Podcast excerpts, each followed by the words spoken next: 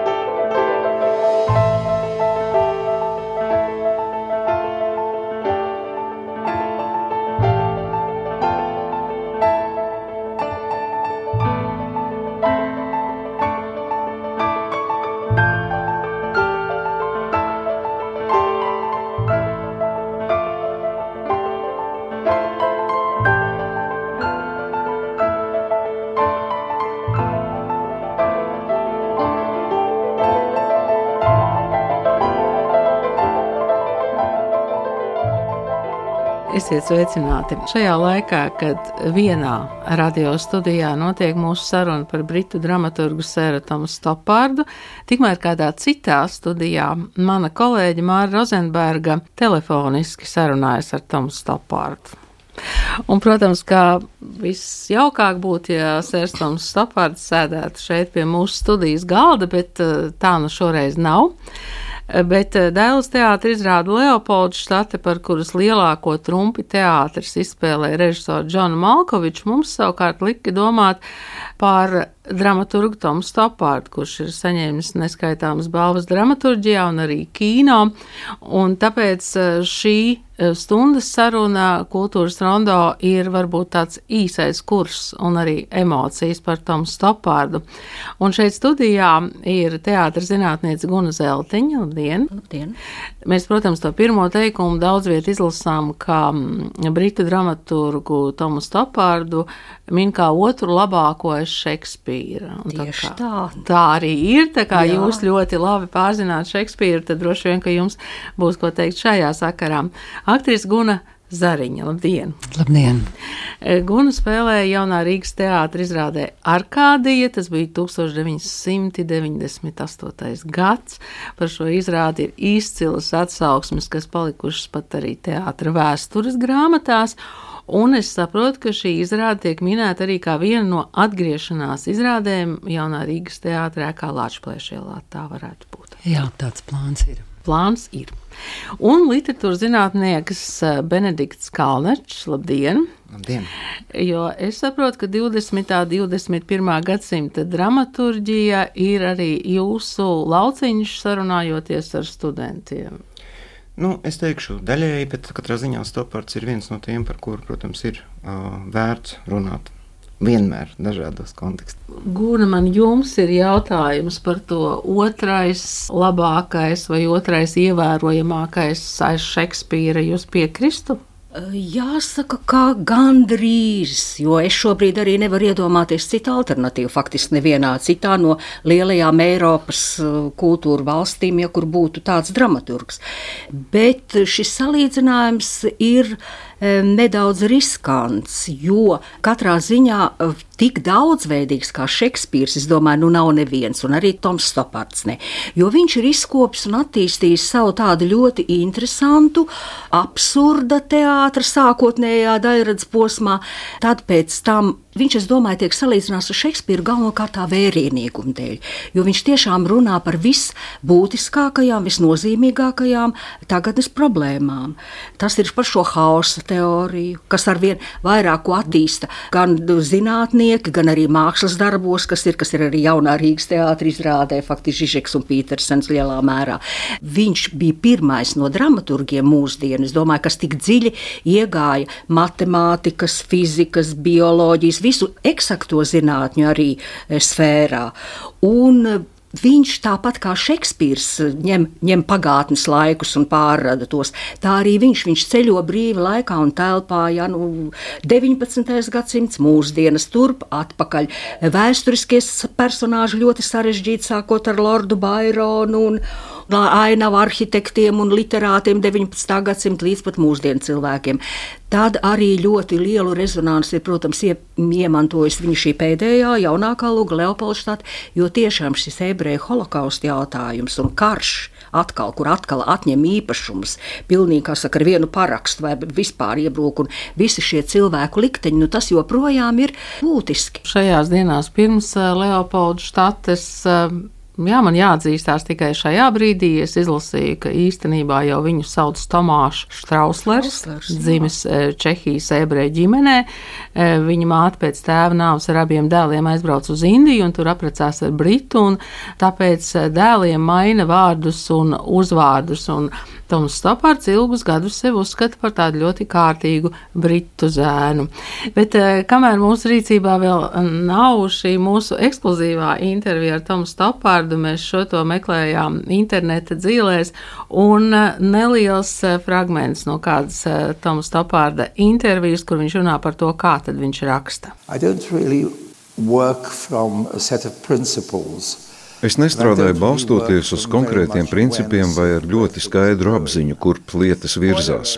Piemēram, Leopoldštatē ir brīdis, kad mēs uzzinām, ka vienam no lugas varoņiem ir dēka ar kādu citu varoni.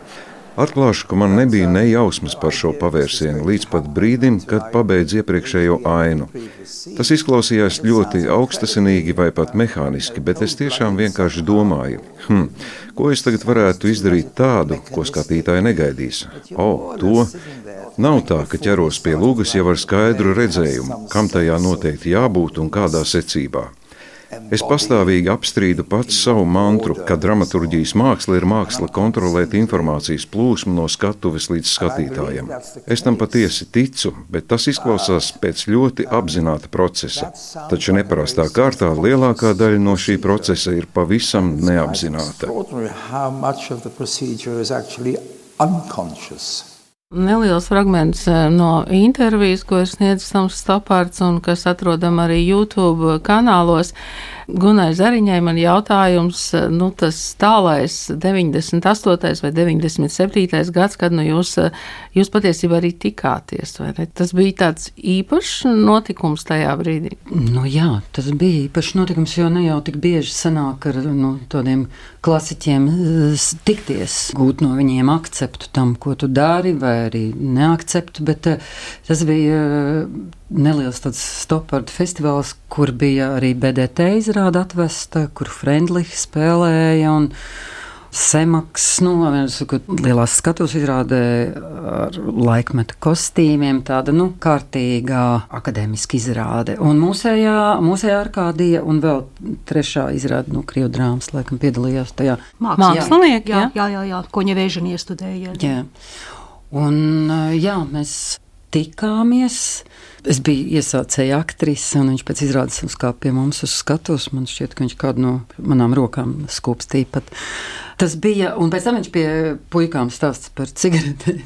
viņš aizgāja uz zēnu grimētām, un es tajā laikā vēl varēju smēķēt visu kaut kur, un tad uh, Viņš izsmēķēja četras cigaretes, par ko liecina diezgan eh, pamatīgi izsmēķi, kuri ir ierāmēti un joprojām karājas puiku grimētavā. Un tiks atpakaļ aizvest uz Latvijas Jā, tiks atpakaļ nogādāti tur, kur viņi tika izsmēķēti. Man daži tuvinieki varētu teikt, mācās Kembridžā un tad fiziķos, kodolfiziķos, un, un tad viņi atzīmē to, ka stopārda lūgas tiek izmantotas eksakto zinātņu apmācībā, kā piemēra arī, es domāju, jo man arī bija padomdevēja ģimenē, kam ir sakars ar, ar šo te tēmu. Un, un tad, protams, mēs dažas kļūdas tur atradām, un ceļš tulkojumā, protams, mēs varējām atrast kļūdas, jo to bija tulkojis ne fiziķis. Bet Tas ir, ka šie te teksti ir ļoti uzticami informācijas jā, avots, ar kuru var diskutēt, vismaz, ja ne viņam pilnībā uzticēties. Jā, nu šeit es atcerējos mākslinieces Rašas Šmitas teikto, ka mākslas darbi var būt īsceļi uz zināšanām, iespējams arī ar kādajām. Benedikt, cik daudz var studentiem paspēt izstāstīt par stopārdu? Stopārds ir tikai vārds, liels vārds 20. un 21. gadsimta dramaturgijā, vai var ko vairāk? Nu, man liekas, tā pieeja vienmēr ir caur konkrētu tekstu apguvi. Mēs varam stāstīt daudz un kaut kādu pārskatu mēģināt veidot, bet tad, kad ielasās konkrētās lugās, tad, tad protams, tas atdzīvojas. Un es domāju, ka nu, tā meistarība ir ļoti augsta. Droši vien tas piemērs, ar ko visvairāk man pašam iznācis arī strādāt auditorijā, ir tieši Arkādijā. Atceros, starp citu, ļoti labi jauna Rīgas teātris izrāde, kas man liekas bija ārkārtīgi, ārkārtīgi dzīva un ārkārtīgi uh, ietekmīga. Domāju, ka Stopārdu varbūt ar Šekspīru vēl viena nianse, kas viņu vieno tā ir tā stilistiskā daudzveidība. Jo tā ir nu, gan tematiski, bet arī stilā. Ir ļoti liela amplitūda starp kaut kādām ļoti nopietnām, dramatiskām, traģiskām lietām un tad lietām, kuras viņš mēģina caur, caur komēdiju izspēlēt. Un, un tas, tas viss ir līdzās. Protams, tagad uh, lasot Leopoldu štātu un skatoties. Ir arī redzams, ka arī viņam ir kaut kādi paņēmieni un kaut kādas varbūt pat detaļas, kas, kas, kas atkārtojas un no kurām viņš spēlēs. Uh, bet tā ir, man liekas, tāda meistarīga uh, improvizācija, zinot to, kā pamatā tomēr uzbūvējas lūga, kas ir liels stāsts ar, ar, daudziem, ar daudziem raksturiem, kuri savies cauri ainām pāri laikiem, un uh, faktiski katra šī aina ir būvēta ļoti precīzi dramaturgiski.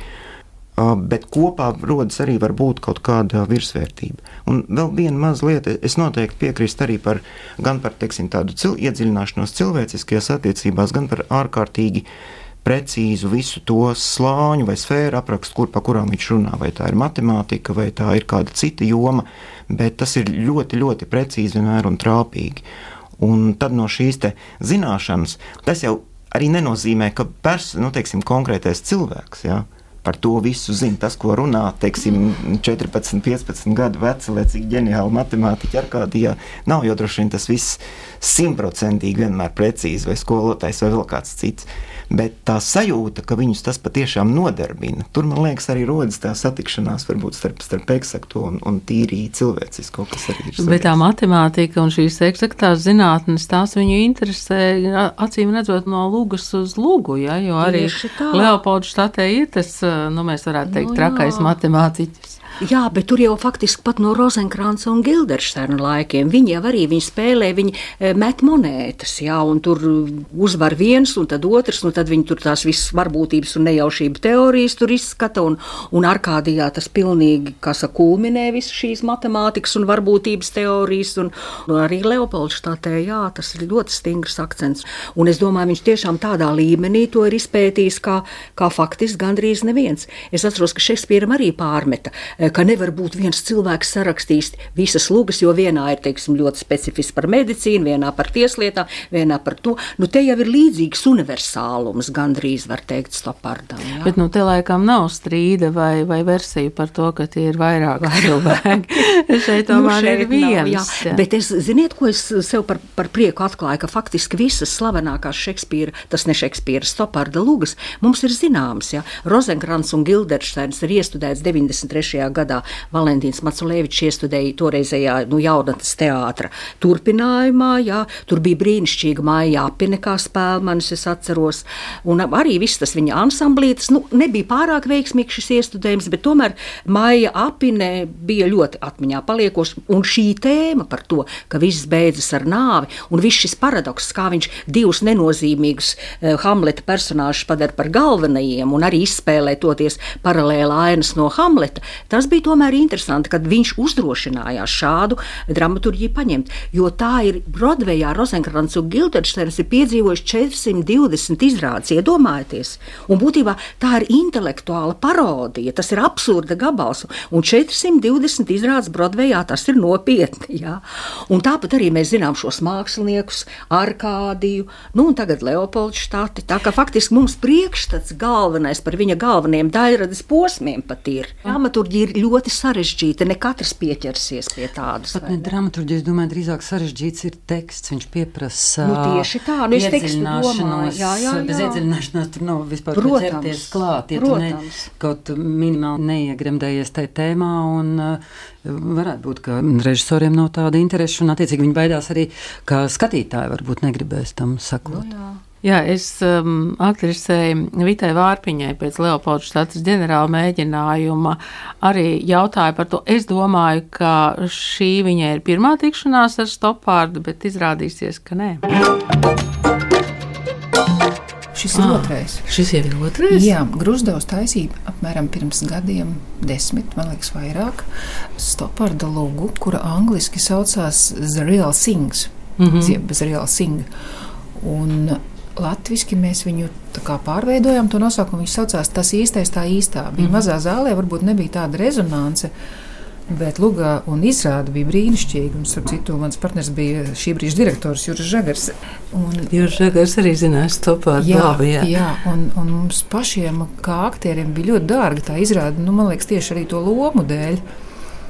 Jo kaut kā tam stopardam ir tāds, eh, nu, es teiktu, sestā maņa, septītā maņa. Ko aktierim vajag, lai viņš varētu to lomu nu, sadzīvot, padarīt par savu. Tur ir tik daudz iekšā jau tas, kas ir dots no autora. Un toreiz es arī atceros, man bija ļoti līdzīgs tēls, kas man mazliet uztrauca, ka es dabūju grēklu. Un tā bija aktrise, kura ir brīnišķīgā laulībā ar uh, savu vīru, kurš ir rakstnieks, un viņi viņu krāpja ar savu partneri, kurš ir aktieris. Un arī ļoti interesants, tāpēc kaut kā nenosoda šo. Viņš kaut kā prot atrast attaisnojumu tam, un es teiktu, ka tas ir kā vēlme, prieks dzīvot, prieks par dzīvi, baudīt visu, ko tā dzīve dod. Un ir tāda tipa cilvēka, un, un tāda ir arī grēta, un tāda man bija tā enīta toreiz. Bet, ja par to stopu kopumā, es nevaru nekādā gadījumā teikt, ka es esmu kaut kāda eksperta. Pārāk maz ir bijis tāda dramaturgija teātrī, bet nu, katrā ziņā tie ir tādi svētki aktierim, jo ir ļoti jēgpilni tie materiāli. Viņš prot to stāstu kopumā izstāstīt, nu, ja es runāju par lūku. Tas stāsts ir vienkārši jāizstāsta. Neko nevajag sarežģīt, kā mēs sakām, ar samežģīt. samežģīt jā, neko, ja? Vienkārši viņš ir jāizstāsta un jo skaidrāk, jo labāk. Un visi laimīgi, gan aktieri, gan skatītāji. Jo pats tas materiāls jau nes tevi uz priekšu. Nu, tā, man liekas, ir tāda laba dramaturgijas pazīme, ja, ka nav nezinu, kā jāklumburē, lai nonāktu līdz tam finālam. Man skatoties, bija tā sajūta, ka, ka Stopārdam varbūt ir radio sajūta. Arī. Jo viņš esot pirmās rakstījis radiolūgus. Tiešām, jā. jā. Un tad, kad jūs sākumā visi runājat, it jā, kā drusku jā. viens caur otru, bet tomēr nē. Jā. Tur bija kaut kas tāds maģisks tajā. Bet mm, režisors Džons Malkovs tieši uz to arī lika akcentu, īpaši tajās kopējās ainās, jo viņš jau nesaprot valodu. Nu, ok, viņam ir tas eksemplārs blakus angliski, bet tomēr viņš tā kā tāds mūziķis klausās kaut kādu kopējo skanējumu. Un tad viņš arī saka, šito es nedzirdēju, bet šito arī nevajag dzirdēt, šito vajag skaļāk pacelt. Ja? Nu, tā kā orķestri. Un tā viņš arī būvēja tās kopējās ainas. Viņš man liekas, Stopardu pazīst personīgi. Jā, un, eh, nu, viņš zina, ko viņš dara un ko viņš grib panākt. Tā, kā, jā, tā ir tāda interesanta lieta. Emīlija, kas tas par kungu? Ar mani tēvs? Laikā, kad bijām sadarbināti. Kas par idiotu? Es domāju, ka ir idiots. Mēs būtu Eiropā, un mainās idiots, bet vīrs ir daudz konservatīvāk. Vai joprojām atrastos Kanādā? Dabūsi, ka mums ir ļoti attiecīgi. Mēs jūtu sagādājām tikai jūsu mazo katolēndēļ. Ernsts ir protestants, Emīlija. Ernsts ir protestants, Emīlija. Kādējais ebējs Ernsts, kas sazina, ko no sevis sadomājies. Kādu mums apliku likām ne tikai kastani pāri Donavas kanālām un trāpīsi veselam duci. Pagaid, ir uzklausīt, ka būs pabeigusi. Rozes klausēs jaunundze. Protā, jums. Izsērija neirozi, jo modernāka diagnozi jau tuvāk savam garīdzniecības sakantās ārstēšanas metodi. Savu interpretēšanu jākatās, ne tikai man ir sakar, nesakotāji, viņš jau pat nav ievēlēts profesori ekstraordinārs. Tā tikai jābrauc uz Argentīnu. Tad ātri vien kļūst par profesoru. Kāpēc Argentīna? Vai Āfrika par Palestīnu nav ko saprot, kamēr tur valda Osmāni? Ā, vai Madagaskar? Runā par Madagaskarā, ebreju valstī vietas būs atliku likām. Ebreju Madagaskarā? bija izrādes Leopolds štate sākums, un jūs dzirdējāt arī, ko teica Vita Vārpiņa šeit studijā, Guna Zariņa, Guna Zelteņa un Benedikts eh, Kalnačs. Es saprotu, ka mēs esam tādās pozīcijās, ka Guna Zariņa vēl nav izrādi redzējusi. Tātad izrāda Leopolds štate, Guna Zelteņa un Benedikts Kalnačs ir? Jā. Kāda jums bija sajūta pēc izrādes? Katrā ziņā tas ir ļoti cienījams, tradicionāls darbs, ļoti labi nostrādāts, interesanta scenogrāfija un ļoti, ļoti mājīgu, labu, atmosfērisku iespēju atstāja no pirmā brīža. Ļoti daudz ko dod šī bērnu piedalīšanās. Tas ir tāds dabisks dzīves plūdums un ritējums, turklāt nepiespiests, nesamākslots, nesadomāts. Tas ļoti paņem savā varā jau no paša izrādes sākuma. Visi aktieri, es domāju, domāju, brīnišķīgi spēlē, sākot ar Vitu Vārpiņu un Artūru Krastīņu, kuram beidzot ir teiksim, viņa e, talanta mēroga cienīga loma un, un arī vispārējais ansamblis. Bet man ir iebildumi par to, ka varēja tomēr nu, varēja īstenāt šo tekstu stundu 41. daļa, kur turklāt ir ļoti maz ārējas darbības. Nu, Tas bija pārlieku. Es domāju, ja pusstundu, 20 minūtes kaut vai noīsināt, izrāda tikai iegūtu. Jo faktiski tā informācija nu, ir tur būtiski šie teksti, jā, arī par matemātiku, par zinātni, par vīnes dzīvi to laiku, bet nu, varēja noīsināt. Stundu 40, man piemēram, kā skatītājas seniorē, tas bija pārbaudījums. Otrā daļa ir daudz raitāka, dinamiskāka, patika, kā bija atrisināt šī otrā daļa, kad it kā ar ļoti minimāliem līdzekļiem ļoti asketiski, vienkārši tiešām, kā Vita Vārpiņa teica, tika izstāstīts šis stāsts. Jā, nu, stāsts, protams, satriecošs. Un interesanti, ka šogad neatkarīgi no tā es nezināju, ka Stopards tiks nu, iestudēts šeit. Es izlasīju tādu grāmatu Etiēna Lotāra, Eņģelis ar bazūni. Tas ir austriešu rakstnieks, zini, jā, varbūt Benedikt. Viņš ir viens no viens no Zālesburgas teātra festivāla dibinātājiem, un viņam ir romāns Eņģelis ar bazūni, arī par vienu vīnes dzimtu. Tā ir altu dzimta, šeit ir mercu dzimta, tur ir altu dzimta, kura ir ārieši, un tur darbība sākas 1888. gadā, un viņi savukārt saprecās vai ieprecās ebreju ģimenē, un arī beigu beigās visi nokļūst koncentrācijas nometnē, jā, gandrīz. Un tur ir e, interesanti, es cerēju, ka šeit darbosies jaunais Hitlers, jo es nebiju to stopā vārdu lokāsīs. Tur darbojas jaunais Hitlers, kurš mācās kopā ar vienu no ģimenes dēliem Vīnes mākslas skolā, kuram ir slikti zobi, vēl sliktāks raksturs un talanta vispār nav. Tāpēc viņu izmet no šīs mākslas skolas. Jā.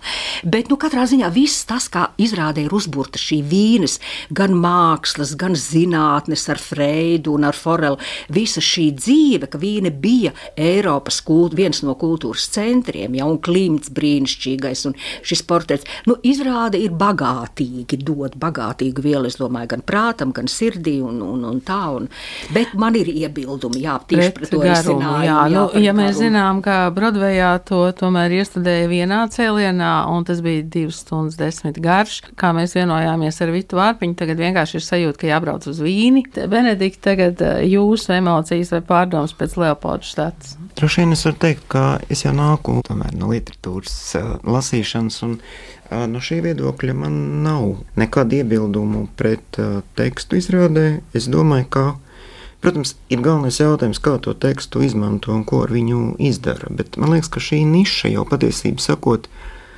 mums teātrī. Varbūt es ļoti subjektīvi skatos, bet varbūt ir tukšāka nekā citas. Mums ir ļoti daudz, kur mēs mēģinām vizuāli, vai skaniski, vai nu jā, lietojot vārdu šovs. Un šeit jā. es domāju, ka ir tas mēģinājums lasīt stopārdu ar visu to ļoti um, bagātīgo materiālu, kāds tur ir iekšā. Un ar to tekstu jau man liekas, ir vienmēr tā, ka tie tēli jau sarunājas par tām lietām, kas viņiem varbūt ir svarīgas par, uh, nezinu, ebreju valsti vai matemātiku, vai, teiksim, tur no nu, ārsti arī nu darbojas. Nu, jā. Bet būtībā jau tajās ainās, un tādu, manuprāt, ir, ir stipri daudz, kur aiz šīm šķietami, kur runā par kaut ko citu, bet patiesībā veidojas stāsts par cilvēku attiecībām. Ja vienkārši kā tu gribi iekļauties, teiksim, nu, būdams viens konkrēts tautības pārstāvs, vai arī negribi, jā, kādi ir tie dažādie viedokļi. Un es domāju, ka tas stāsts faktiski ir tomēr pietiekami universāls. Jo vienā līmenī tas ir holokausts un, un, un teiksim, ebreju traģēdija, bet līdzīgi stāsti jau ir arī par daudzām citām. Nu, mums jau pašiem mēs Nu, varam tieši redzēt tā, to savus.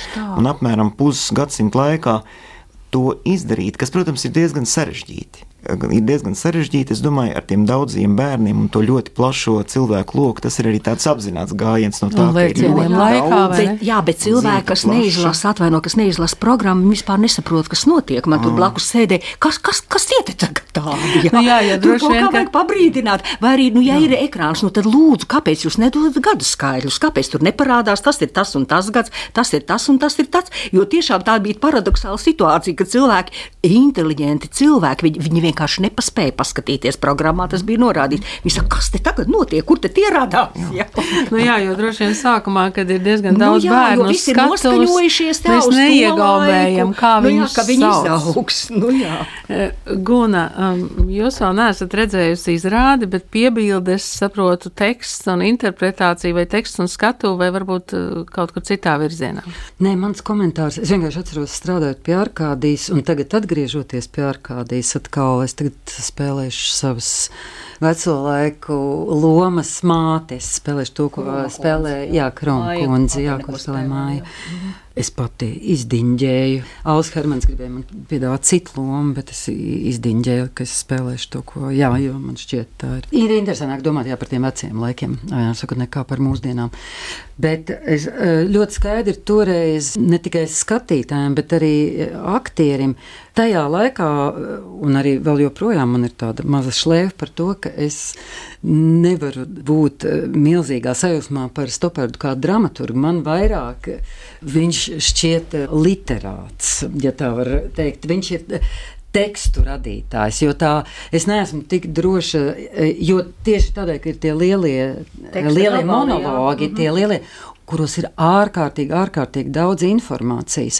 Un kā to aktierim uzlikt uz kaut kādas pavisam vienkāršas darbības, bieži, bieži vien tas ir liels izaicinājums. Neaiziet teksta pavadā.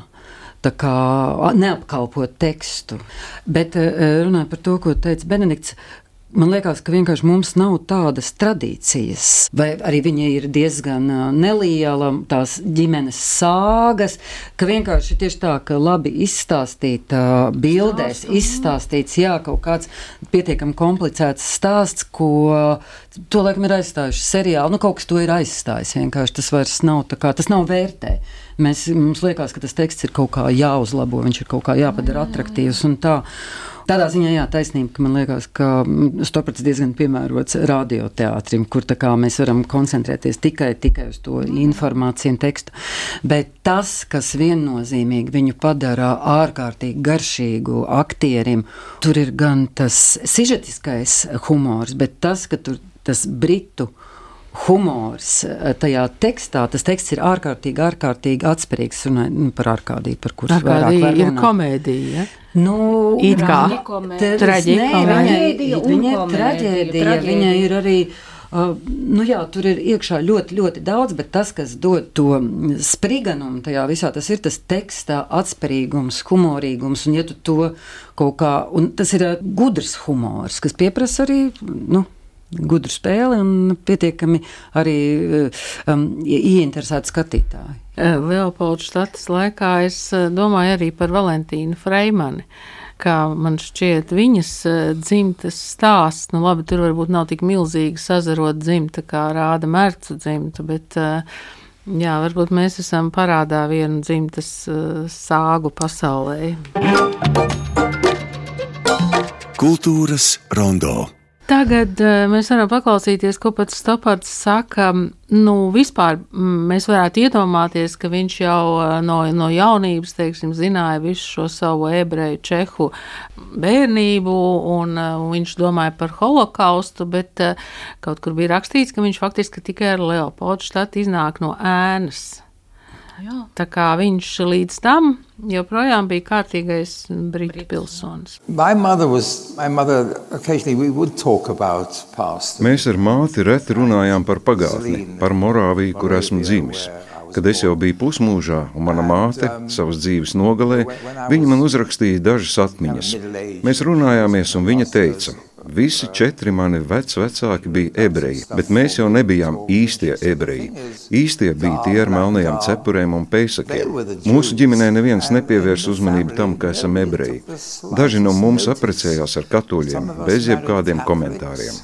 Mana māte piedzima 1911. gadā, un viņas jaunībā ebrejiskā izcelsme nebija daļa no viņas apziņas vai uzvedības. Much, much later, when my mother was safely dead, I was able to write Krietni vēlākos gados, jau pēc mātes nāves, kad veidoju garu rakstu par šo tēmu kādam žurnālam, es aptvēru, kā tas ir, kad tava pagātne tevi sakustina.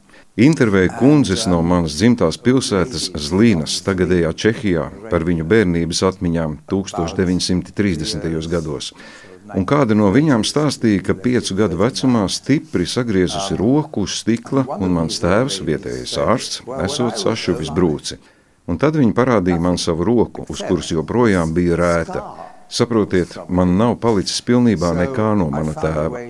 Es knapi viņu atceros, man nav nevienas viņa mantas, tikai šī rēta, un es atradu veidu, kā to ieaust savā lugā.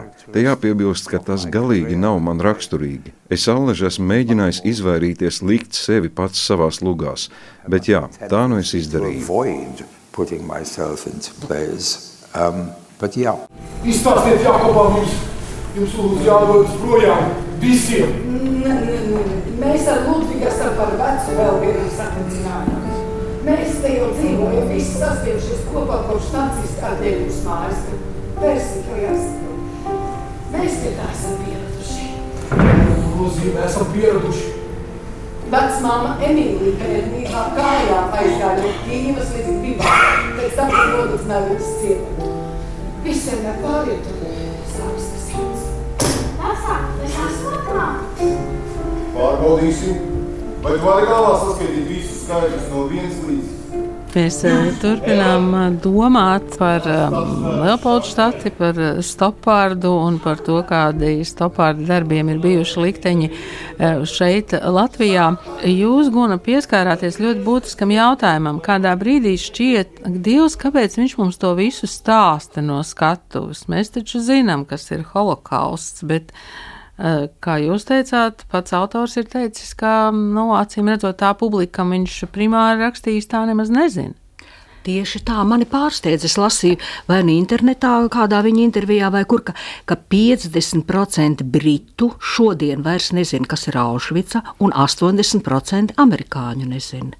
Nu, tie nav acīm redzot no gaisa pagrābti dati. Tas ir kaut kur bijis, vai kāda aptauja ir bijusi, vai kā. Tā ir, ka, ka tiešām it kā liekas, ka mēs jau par daudz pat par to runājam, un kā es arī uzgriežu historiju kanālī, ja tur visu laiku rādot to pasaules karu un tā, bet nezinu, cilvēki elementāri nezinu. Viņus interesē tikai viņa ikdiena lielā mērā. Visa šī patērētāja kultūra ir savu izdarījusi. Jā. Viņus interesē izklaide, visas Netflix jaunās filmas un tā, un tādēļ es domāju, šis darbs ir jo nozīmīgāks. Man arī faktiski satrieca tas, eh, kas bija arī programmas grāmatiņā, kas ir ļoti rūpīgi iz, iz, šai izrādē izstrādāta, eh, ka tieši Latvija, Igaunija, nu Baltijas valstis bija pēdējā pietura un glābiņš šiem, šiem Austrijas ebrejiem un vispār ebrejiem. Ja? Un ka vienai daļai no viņiem izdevās šeit patvērties, izglābties un varbūt pat doties kaut kur tālāk, bet nu, viena daļa arī šev, sev atrada šeit vai ne pēdējo pieturu. Tā kā nu, es kaut kā nebiju arī par to tik ļoti padomājis. Lai gan ilgus gadus strādājot blakus vai ne Valentīnai Frēmenai, mēs daudz arī par šo tikām runājuši un tā, un, un viņa stāstīja par savu ģimeni, kā viņas mamma vai ne aizgājusi ar balles kurpēm, ja gandrīz un kažoku un, un, un pērlēm ap kaklu uz geto un nu, visu to briesmīgo. Vai mm, Toms Stopārds eh, kaut ko teica Guna jums kā aktrisē pēc ārkādijas? Nē, nu tas vien, ka viņš palika pie mums runāties un pīpēt. Man palika tā sajūta, ka viņam tomēr ļoti patīk tas BDT iestudējums, kas bija tāds ļoti, ļoti.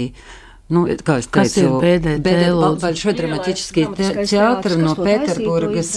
To taisīja Nīganens, man liekas, tā bija Nīganena Elmona izrāde. Īganena izrāda. Nu, jā, viņš Jā. tur studēja. Man īstenībā izrāda, kur spēlēja grandi, kas bija tādās ļoti gaiši zilās dekorācijās ar kruzuļiem.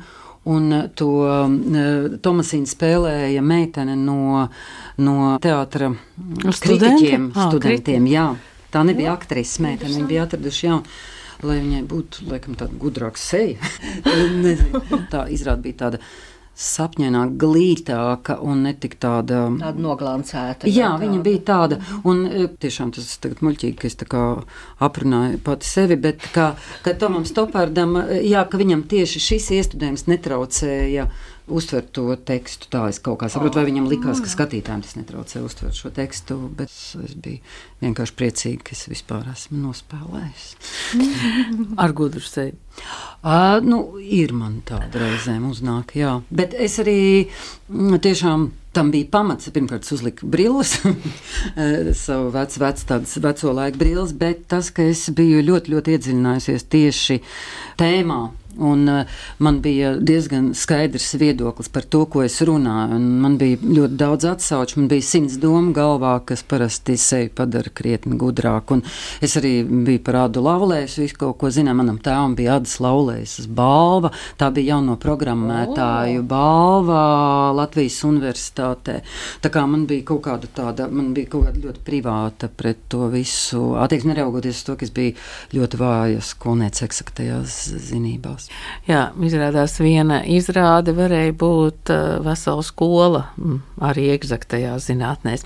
Bet uh, pavisam īss vēl stopāri teiktais par aktieriem un par to, kā viņš domā, kā viņa tekstiem vajadzētu skanēt. Varbūt tā īsumā. The main argument I have with the art and the profession of acting Mana galvenā iebilde attiecībā uz aktieriem un tēlošanu ir tāda, Ja es ar kādu teikumu jau kaut ko esmu izdarījis, tad aktierim un viņa atveidotajam tēlam tas vairs nav jādara.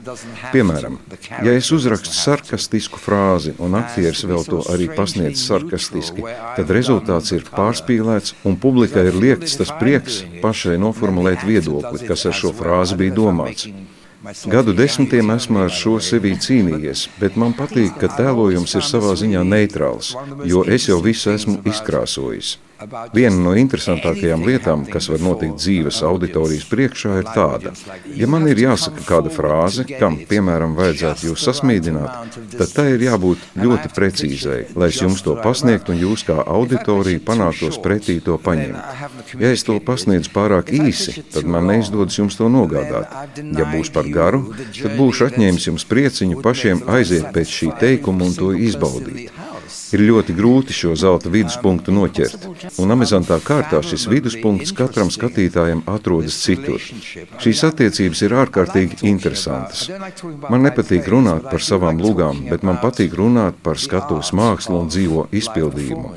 Laikam nekad līdz galam nesapratīšu, kā tas strādā. Tas ir viens no mūsu kultūras lielajiem noslēpumiem. There's wonderful mysteries in our culture and always has been. Sērstams eh, Stopards, Gunai Zariņai, Gunai Zeltiņai un Benediktam Kalnačam. Man jautājums, kura Stoparda lūga būtu pelnījusi, lai tā tiktu iestudēta arī Latvijā? Ah, utopijas krāsa šī triloģija, kas ir no triju daļu triloģija, kopējais garums tur ir deviņas stundas, bet nu, viņas tiek iestudētas atsevišķos vakaros tās lūgas, tā ka teksta mīļotājiem tie noteikti būtu svēti. Tēma ir interesanta. Tēma ir par Krievijas pirmsrevolūcijas laiku no 1833. līdz 60. gadiem, 19. gadsimtā. Mihaila Bakuņina personība un dzimta ir centrā. Tas kaut kas pēc tiem aprakstiem, es saprotu, ir gandrīz čehovisks, un, un šī arī ir dabūjusi 2007. gadā kā gada labākā lugatonija balvu. Tā kā tur ir vēr, vērts varbūt padomāt, kur interesē šādas ģimenes sāgas, jo tur ir arī šī Bakuņina dzim, dzimta, kur, eh, kur, protams, jaunais Bakuņins eh, izstājās no dienesta armijā un no militārās skolas, un tagad nu, pievērsīsies revolūcijai, un, jo viņš ir no mūžnieku dzimtas. Ja. Nu, katrā ziņā, cik es lasīju, diemžēl šo lugas tekstu es nedabūju, bet tas viss man ļoti ieinteresēja. Un uh, luga ir iestudēta arī Maskavā, arī ārzemēs viņa ir iestudēta, gan lielos, gan mazos teātros. Katrā ziņā Stopārdu ļoti studēju, joprojām Rozenkrāns un Gilderšternu, kā es būtu gribējis redzēt, un es domāju, mēs visi, kur Rozenkrāns spēlē Benedikts Kamberbečs, piemēram, jā, viņš spēlēs to Nacionālā Londonas un Anglijas Nacionālā teātra jubilejā. Un tāpat viņa lugas ir ļoti ejošas joprojām. Un studē. Un... Nu, pat tās pagājušā nedēļa Viļņas Krievu teātrī ir Butūso, Jurija Butūso iestudētais uh, Rozenkrants un, un Gilcens pirms rādījā. Bet, un arī Leopoldštāte ir kaut kur. Ar privātiem vai, ieteikumiem, vai ko vēl mums vajadzētu redzēt vai lasīt no Stopārda, beidzam sarunu ar teātra zinātnieci Gunu Zeltiņu, literatūras zinātnieku Benediktu Kalnaču, aktrisēm Vitu Vārpiņu un Gunu Zariņu. Bet tagad pienācis laiks būtiskam fragmentam no Māras Rozenbergas Zoom sarunas ar Tomu Stopārdu, kas notika tajā laikā, kad mēs sarunājāmies citā radiostudijā. Great. There we are. Good morning. How, how are Good you? morning. Hello. I'm very well. How are you? Stopards ir savās mājās Dorsetas grāfistē, apmēram 160 km dienvidrietumiem no Londonas. Viņa sieva Sabrīna ieslēdz saziņas programmu un aicina Tomu pie datora. Pats Stopards joprojām savas lūgas raksta ar roku. Viņš aizsmēķē cigareti un sāk ar atvainošanos, ka nav bijis klāt Leopoldštāts pirmizrādē Rīgā. I like, I like being in other places, and I've, and I've been to Riga once before, and I'd love to come again. Man patīk būt citās vietās. Reiz jau esmu bijis Rīgā un labprāt būtu atkal, taču pēdējā laikā mani atbaida pats ceļošanas process. Varbūt tas mainīsies. Būtu interesanti un aizraujoši redzēt Leopoldu štati citā valodā. Man tas tiešām patiktu. Dzirdēju, ka esot gājis labi. Džons Malkovičs man pirmsrādes dienā atsūtīja ziņu, un tad gan man likās, ak, vai man vajadzēja aizbraukt. Bet te nu mēs esam. When I read that, I thought, oh gosh, I, I should have gone, but there we are.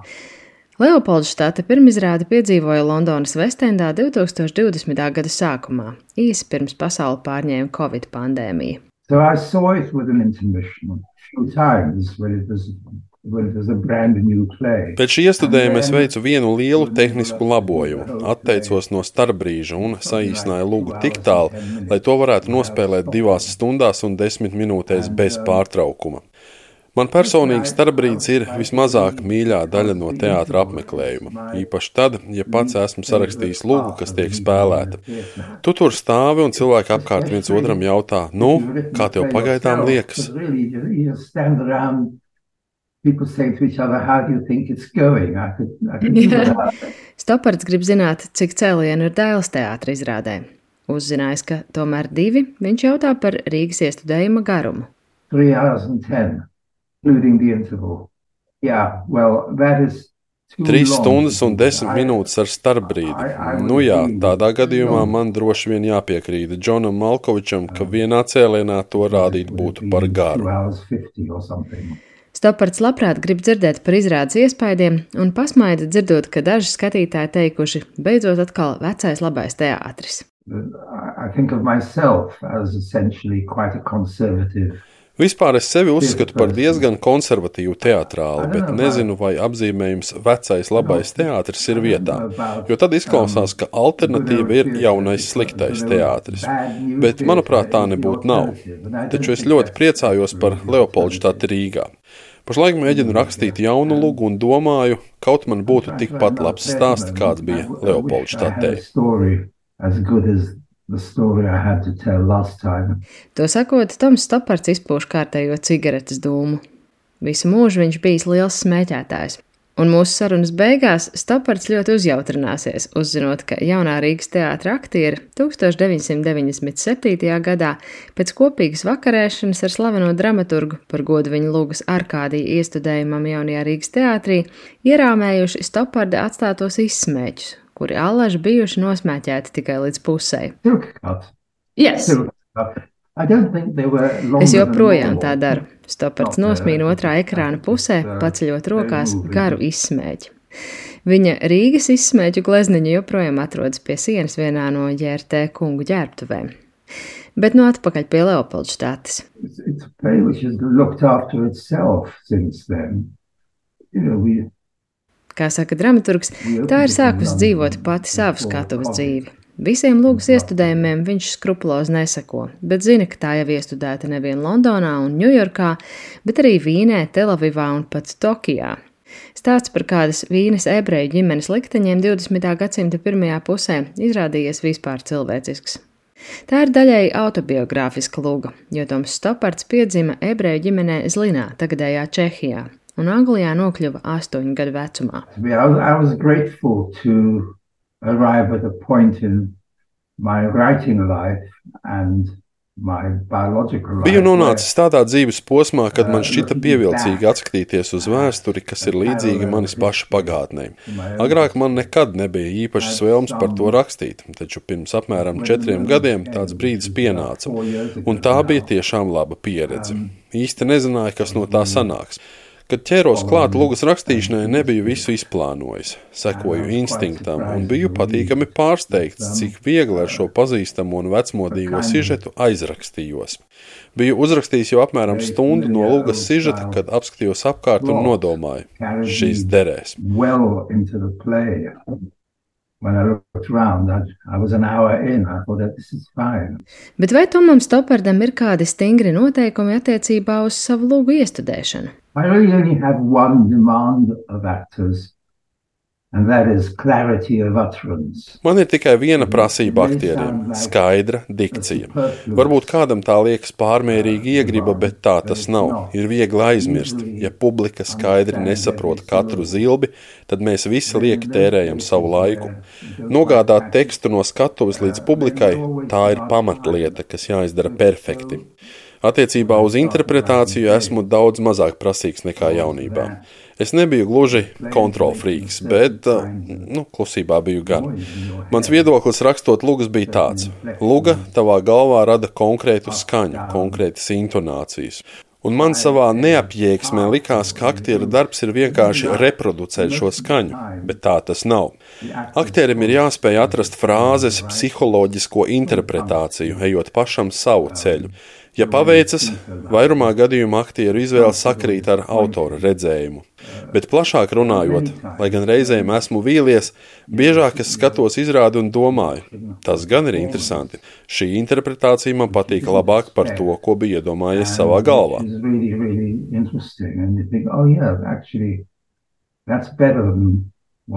Mind, just occasionally. Tomam Stopardam joprojām labā atmiņā ir viesošanās Rīgā 1997. gada nogalē, kad Latvijas kultūras ministrija, Rīgas Krievu teātris un Britu padome bija izsludinājusi veselu akciju ar nosaukumu Toms Stopards Rīgā.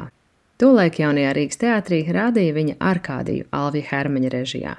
Um, I saw a production of Arcadia, which was quite um, Tas bija negluži eksperimentāls iestudējums, bet tam bija avangardiska noskaņa, un tas mani ieinteresēja. Atceros, ka Rīgā tiešām ļoti labi pavadīju laiku, gan teātrī, gan ārpus tā. Uh, Ar Sēru Tomu Stopārdu, slavenāko britu dramaturgu pēc Šekspīra, bet dzimušu Čehijas ebreju Tomāšu Štroisleru, kurš ar lūgu Leopoldštate pirmo reizi pieskaras savas dzimtes ēnai, sarunājās Māra Rozenberga. Raidījumu veidoja Santa Lauga, Nora Mitspapa, Girts Bišs un Ingvilda Strautmane. Gaidīsim jaunā Rīgas teātra atgriešanos Lāčplēša ielas namā ar Stopārda Arkādiju.